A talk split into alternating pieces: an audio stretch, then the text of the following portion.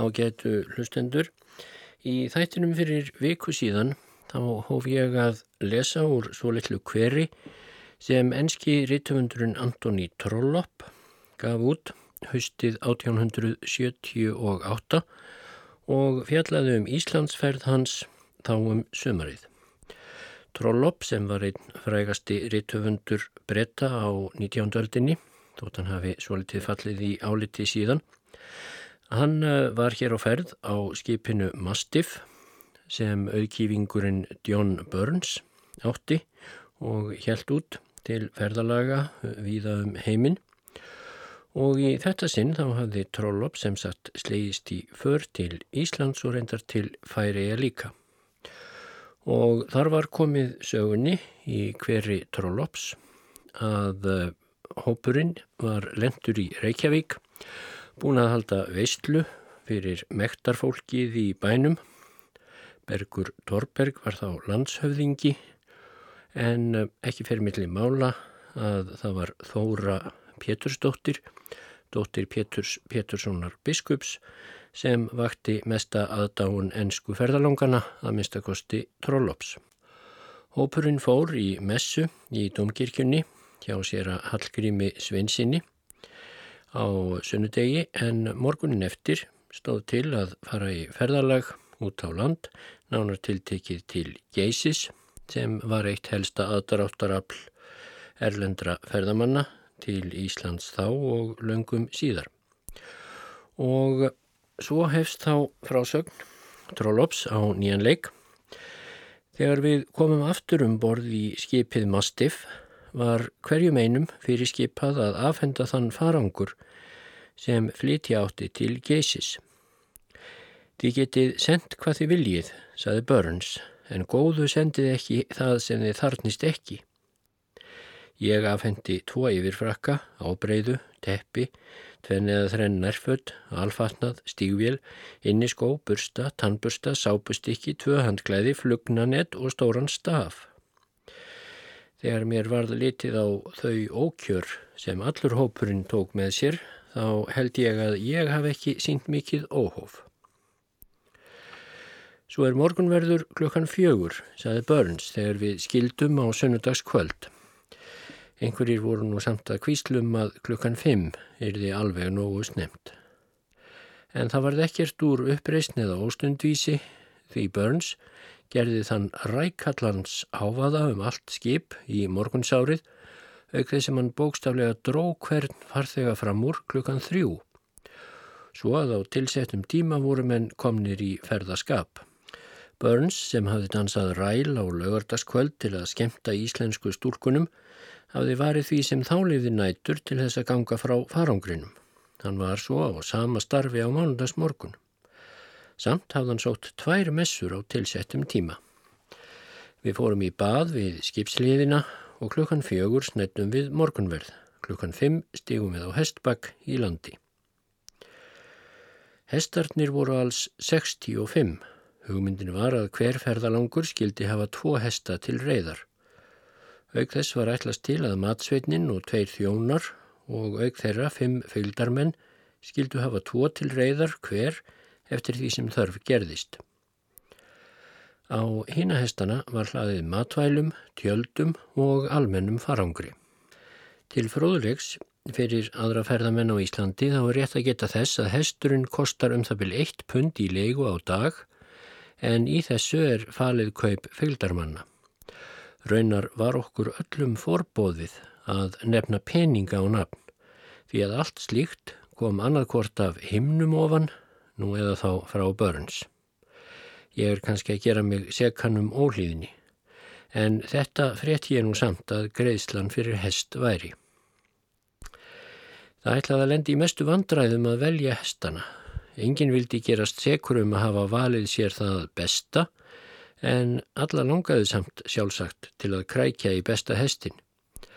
Áður en fyrstu daglið var lokið hafðu meira segja dömurnar lært að sitja hestana en í byrjun var alls konar hík á fólkinu.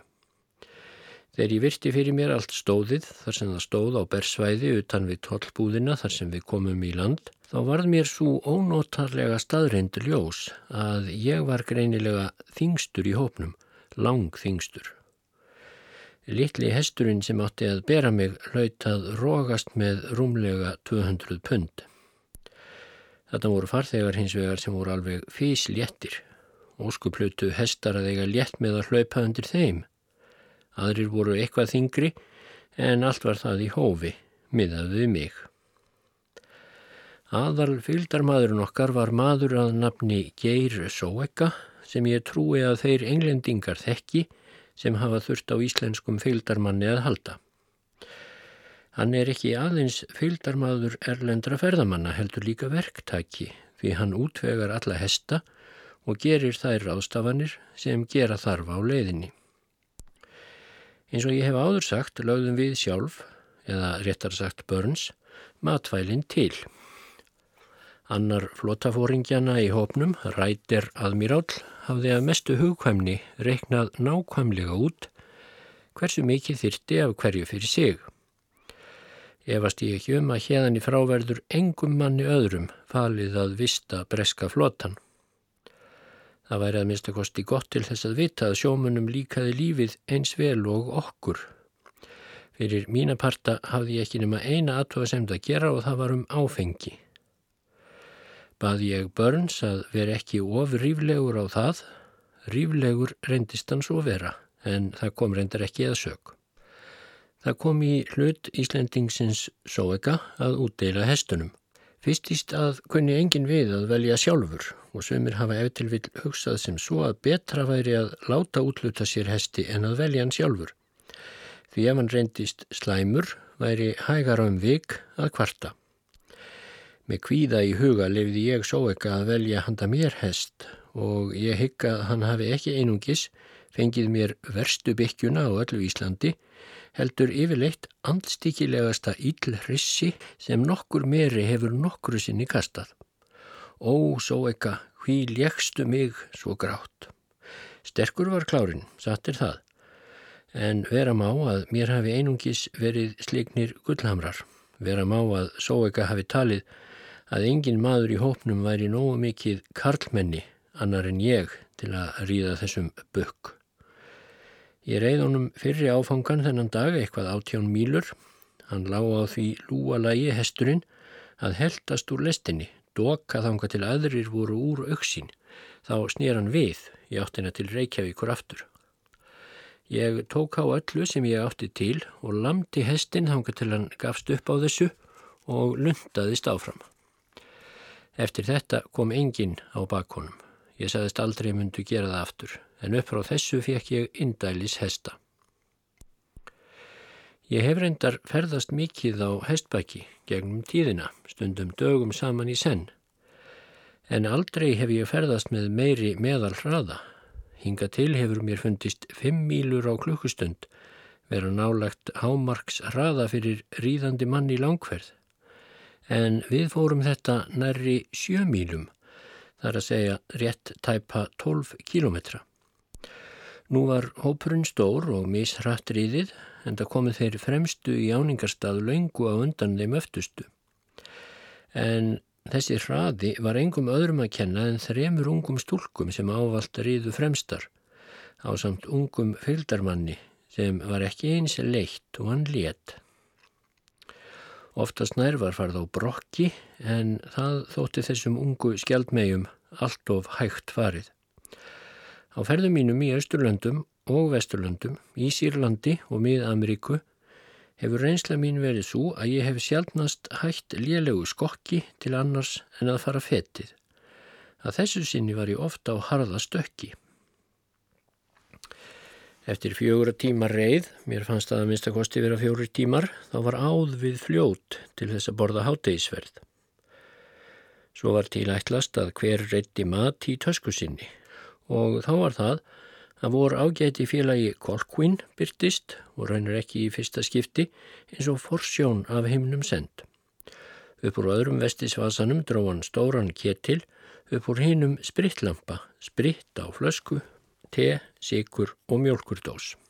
Áður en fimm mínútur voru liðnar hafði allur kvennaskarinn fengið te í botla og áður en aðrar fimm mínútur voru liðinar voru allir búin að fá te. Nú kann lesarinn að gera þá aðtóasemt að sjálfsagt hefði verið að flytja þessi tól og tæki á trúshesti.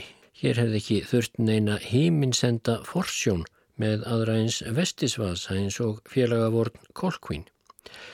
En hér veður lesandin reik. Trúshestarnir með byrðirinnar og búnaðinn höfðu farið af stað kvöldið áður til þingvalla. Með öðru móti var ómögulegt að gefa okkur kvöldmat þar.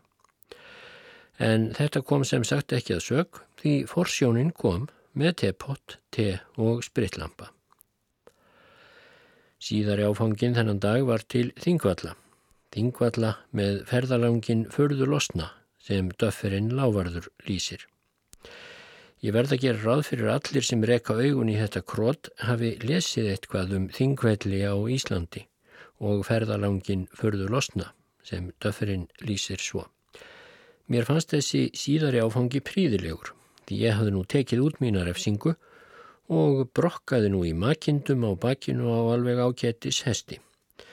Samt var ég orðin bísna styrður þegar ég fór af baki á þeim stað þar sem ferðalangurinn förðulosni er síndur á hestbaki.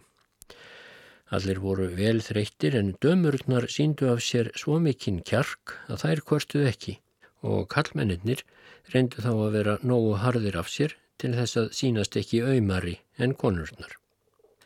Þingvellir eru unaðslegur staður og landslag svo stórkostlegt að það er þess virði að faraðongað einungis þess vegna.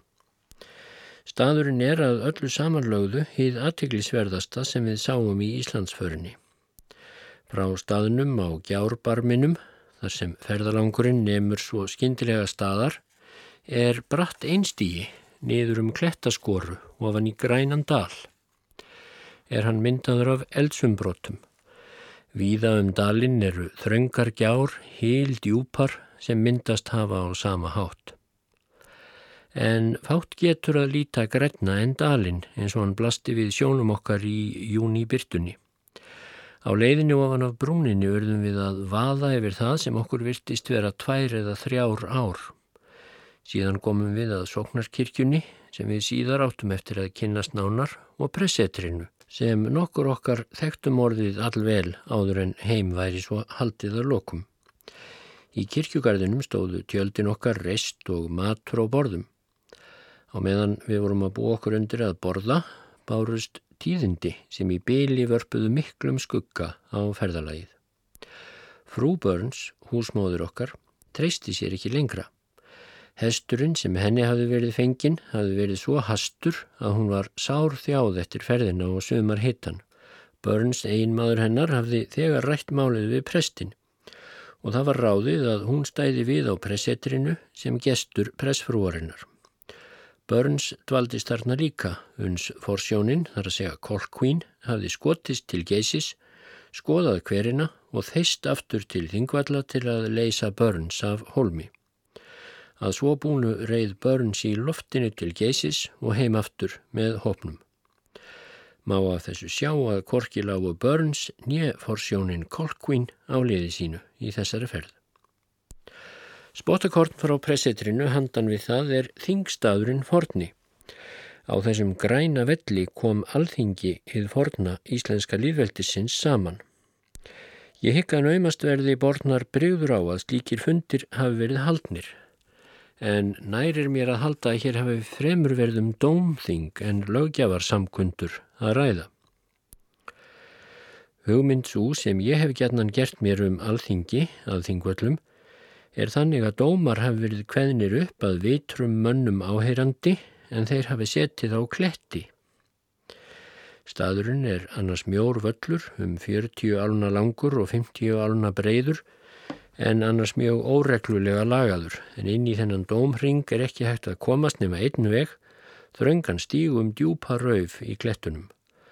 Á báða vegu eru gjár eitthvað um 30 fett á dýft sem mætast lengra burtu Gjárbarmarnir eru algjörlega loðréttir og botninum er dimmt, dögt vatn og djúft, lindardómsfullt, já næstum djöfullegt á að líta.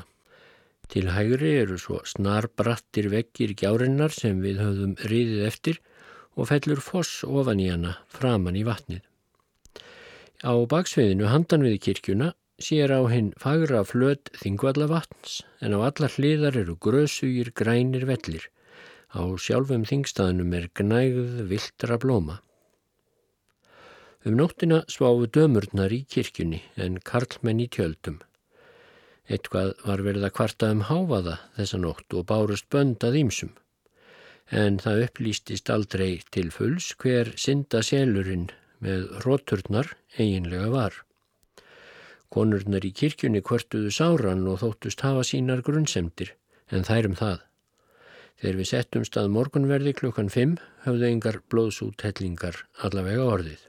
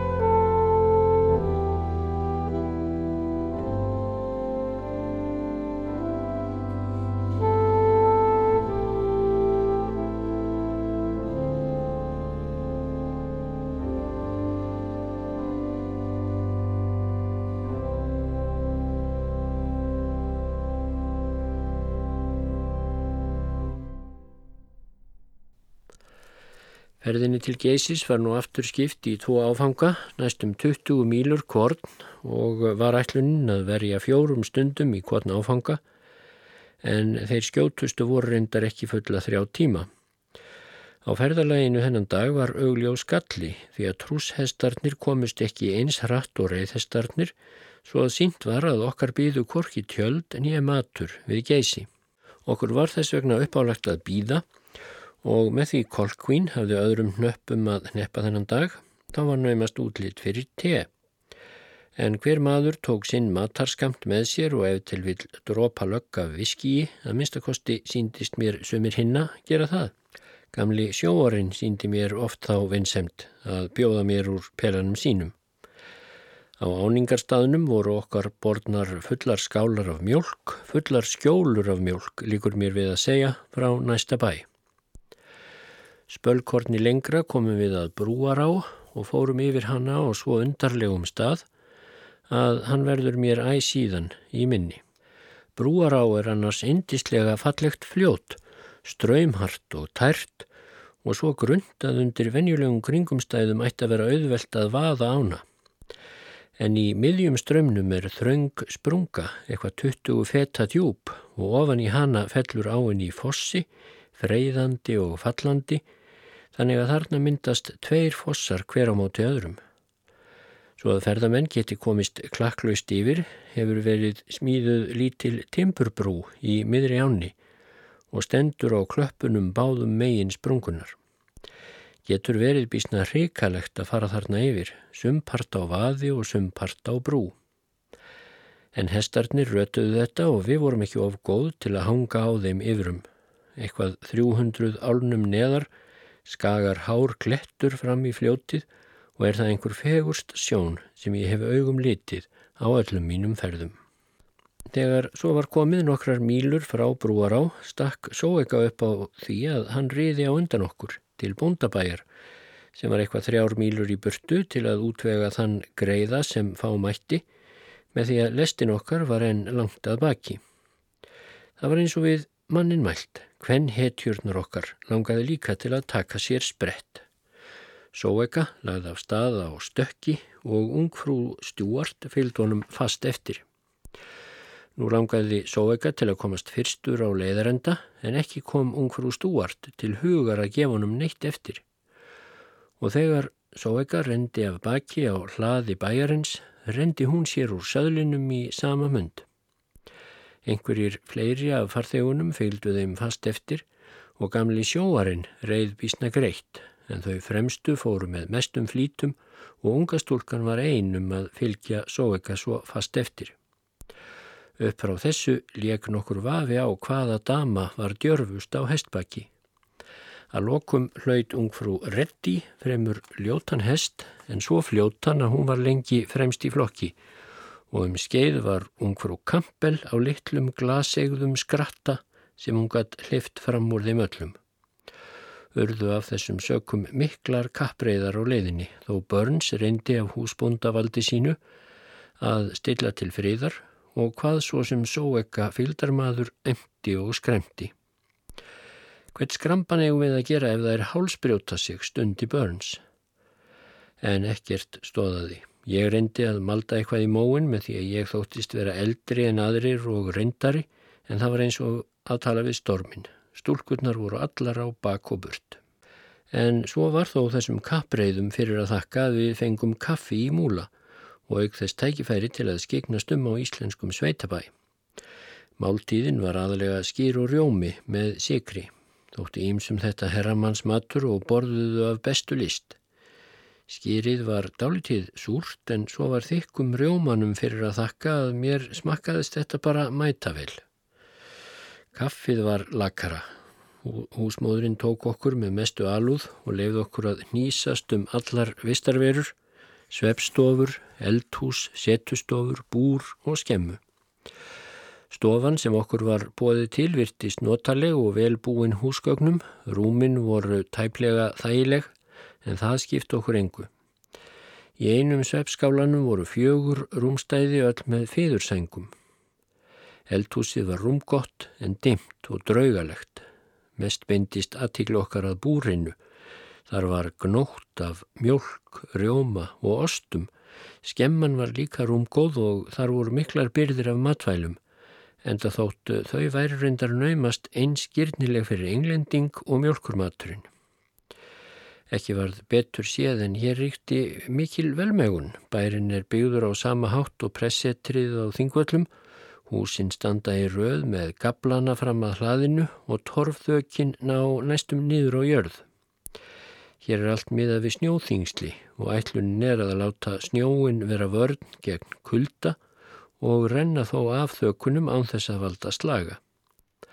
Umhverfis bæin eru vellir og grænar grundir og á nágrannabænum sá ég výrgirðingu umhverfis túnið. Fátt sínir betur framgang menningar á Íslandi en þessi výrgirðing. Við stóðum næstum tvær stundir við í múla en þaðan er ekki nema stuttur sprettur til geysis um það byl fjórar mýlur. Og svo vorum við komin til geysis og higg ég að það hafi í flestra augum verið höfuð markmið ferðarinnar. Um mig gengdi raunar svolítið öðru máli. Ég hafði séð góskverina á Nýjasjálandi og er þetta hverasvæði á Íslandi lítilsvirði í samanbörðu við þá. Enga síður er ákaflega fróðlegt að skoða þessa íslensku hveri og þóttu mér væntum að fá tækifæri til þess. En fyrir mitt leiti þá verður það samt ferðin sjálf, þingvellir brúar á og fjörmikið samferðafólk sem ég minnist með meiri ánæju en sjálfra góskverana. Við komum á eðilegt svæði, sviðið og brent af sífældum gósum og klukkan var um sex að kvöldi. Nú var ekki næri strax von á trúshestunum svo við höfðum nægan tíma til að rannsaka furður þessa staðar. Hverirnir eru þarna allir að því er best verður séð á sömu fermílunni og geysarnir tveir en það eru góskverirnir kallaðir og þeir eru ekki nema kipkorn hvort frá öðrum. Lóks koma því að við reistum tjöldin á millið þeirra svo við getum verið nærstött ef eitthvað skildi við bera. Við urðum að fara mjög varlega millir hverana því ekki dugði að mistíga sig og detta ofan í sjóðandi neðanjörðar ketil. Það tók okkur um það byrj klukkustund að skoða það markverðasta. Þá kom lestin og við gáttum matast.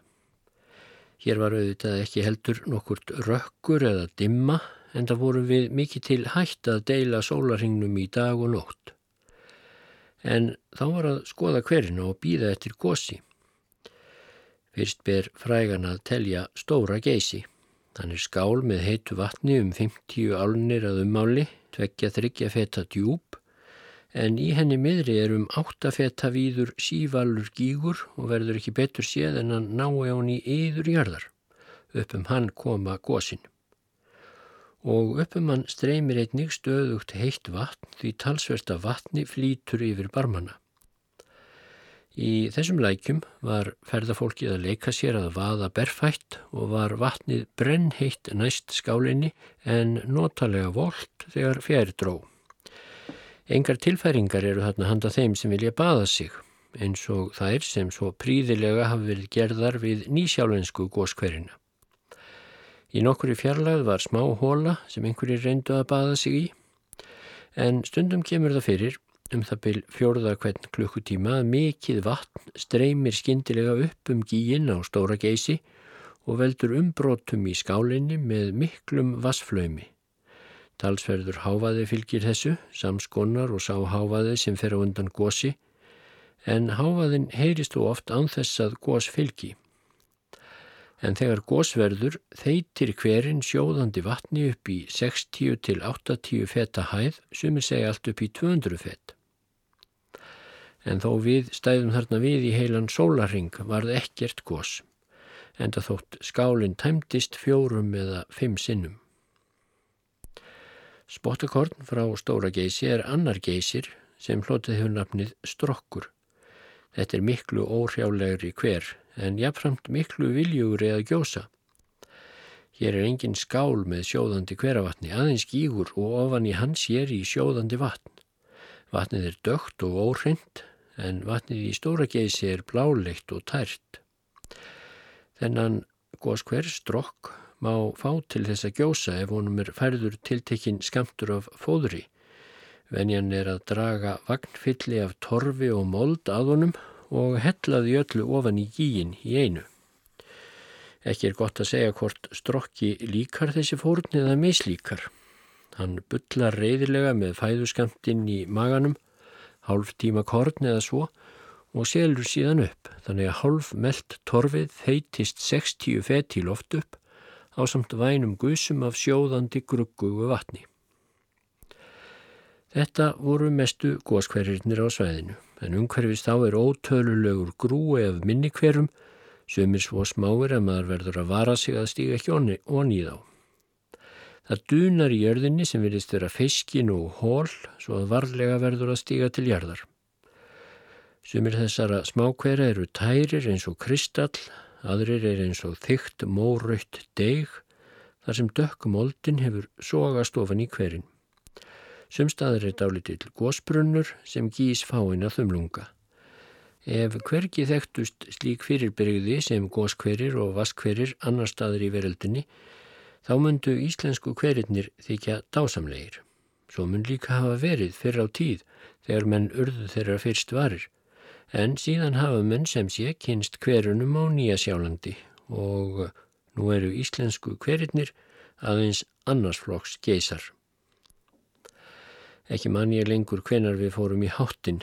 Við þurftum ekki að hafa neitt sérstakann fótaferðatíma morgun nettir því ætlunin var að dveljast þarna í heilan sólaring og býða eftir gósum en halda síðan heimleiðis kvöldið eftir. Einhver tíma snemma morguns kom Burns og hafði riðið alla nóttina í rigningu.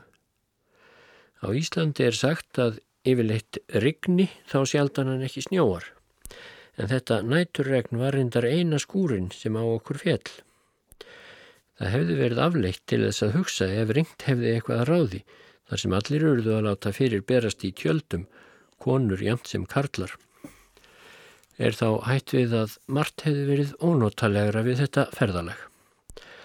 Var það okkur sannarlega lán að ekki skildi rigna meir en þetta.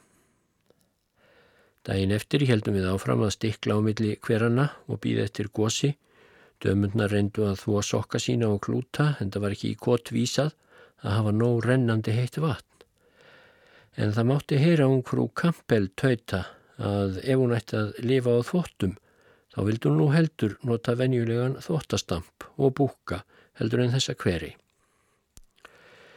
Þannig leitt þá hvera svæðið út. Sjálfur staðurinn var ekki fallegur, til þess var hann ofsviðinn og gróðurlaus af sífeldur reynsli. Hann er graslaus, dökkleitur, nöturlegur og óhrjálegur. Öðru megin er hæð sem einnig er gróðurlaus og hinu megin fljótið og falla heitir lækirnir í það. Það er óhrind af brennisteini.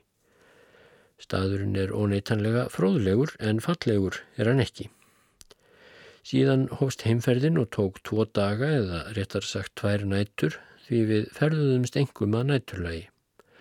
Það var oft farið geist því þegar ungfrú Reddi komst í fararbrott á sínum hesti þá var ekki mannað að gera en hleyp á eftir henni, hvað sem öllum hættum leið. Nú myndist börn þess að engin læknir var með í ferðinni og máski hefur Sóega lagt orði í belg til að hlýfa hestunum. En svo mikið er víst að Sóega gerði allt sem hann gat til að halda aftur af dömunni þegar hún var að reyna að spretta úr spori. Stundum tókst það líka, en stundum var honum það ummegn. Til þingvalla var allavega riðið greitt og tókst með ofríki að halda hún frú reddi aftarlega í hópnum Það var að mér komið að taka upp hanskan fyrir dömuna en þá auðnaðist henni skindilega að þeisa fram úr og hverfa á undan okkur út í buskan. Við komum til Þingvalla um klukkan þrjú um nóttina, lerkuð og vott. Við höfðum haft með okkur mat í skrínum og fengið mjölk að drekka en ílla hefðum við nú verið komin ef forsjónin, félagi okkar koklin, hefði ekki aftur dreyið upp tepottin sinn. Nú var ákveðið að öll skildum við sofa í kirkjunni því tjöldin og farangurinn voru langt á eftir okkur. Við vorum líka orðin döið lúin. Eitthvað þurfti samt að gera til að dömurnar getur verið útaf fyrir sig og var þeim valin náttstaður upp við alltarið, handan við gráturnar. Karlmenn sváfu tveir og tveir saman í ganginum á milli bekkjana og einhverjir sváfu á kirkjuloftinu og einn guðleysingi lefði sér að ringja klukkunum um nóttina. Eitthvað hefur verið kvískrað um að það hafi verið sjálf listakonan sem hafi farið upp á loft til að teikna okkur sem best en mér er næra að halda að þetta sé ílmælgi einn. Það gerðist annars ímiskonar háreisti um nóttina sem eru voru svo káttir að Korki fekk helgi staðarins nýja nálægð kvennana haldið aftur á þeim. Gamli sjóarinn sagði að sig kittlaði en fyrir því hefðan ekki þurft að vekja alla þingvelli með stöðugum hlátursrókum. Þetta gekk svo langt að einn samferðamannana fann sér knúin til að standa upp og ávarpa þingheim þessum orðum vil ég góðir samferðamenn muna að hér eru dömurstattar, dömur sem þarnast kvíldar og þurfa að fá sinn svefn. Þá heyrðist fliss frá altarinu. Ég hefði átt vona á að prestur yrði afundin morgunin eftir því kirkjan hafði verið ítla vanhelguð en hann tók þessu öllu lipurlega meira að segja ringingunni um miðjanótt. Hvað honum og börns fór á milli er mér ókunnugt, en segja mætti mér að það hefði ekki verið neyn ónotaleg heit, að minnstakosti kvatti press fjölskyldan okkur með mestu virtum. Það var kvöldið eftir sem við heldum aftur á stað til Reykjavíkur og ég verða að segja að mér var raun að því að hveði að þingvelli vitandi að ég ætti þangað aldrei afturkvæmt. Þrísvar hafði ég baðað mig í tæru vatninu og reykað víða um vellina. Þarna þekkti ég orðið margan krókin og kiman innan um allar gjárnar og yðgræna vellina. Mér hafði ekki fallið meir en miðlungi vel við geysi og hverina en þingvellir og brúar á hafðu fangað hjarta mitt. Það er undarlegt til þess að vita að á Íslandi skuli vera jafn fagur staður og unaðslegur og þingvellir eru. Smásögu verður að segja hér farkvart aðmíráli ferðafélag okkar til verðugs lofs en það er aðmírálin kappi mikill. Hann er ákaflega gefinn fyrir fiskveidar og það voru raunar tveir farþegar aðrir, hinn tilvonandi þingmaður Norðimbralands og Ástraljumadur einn.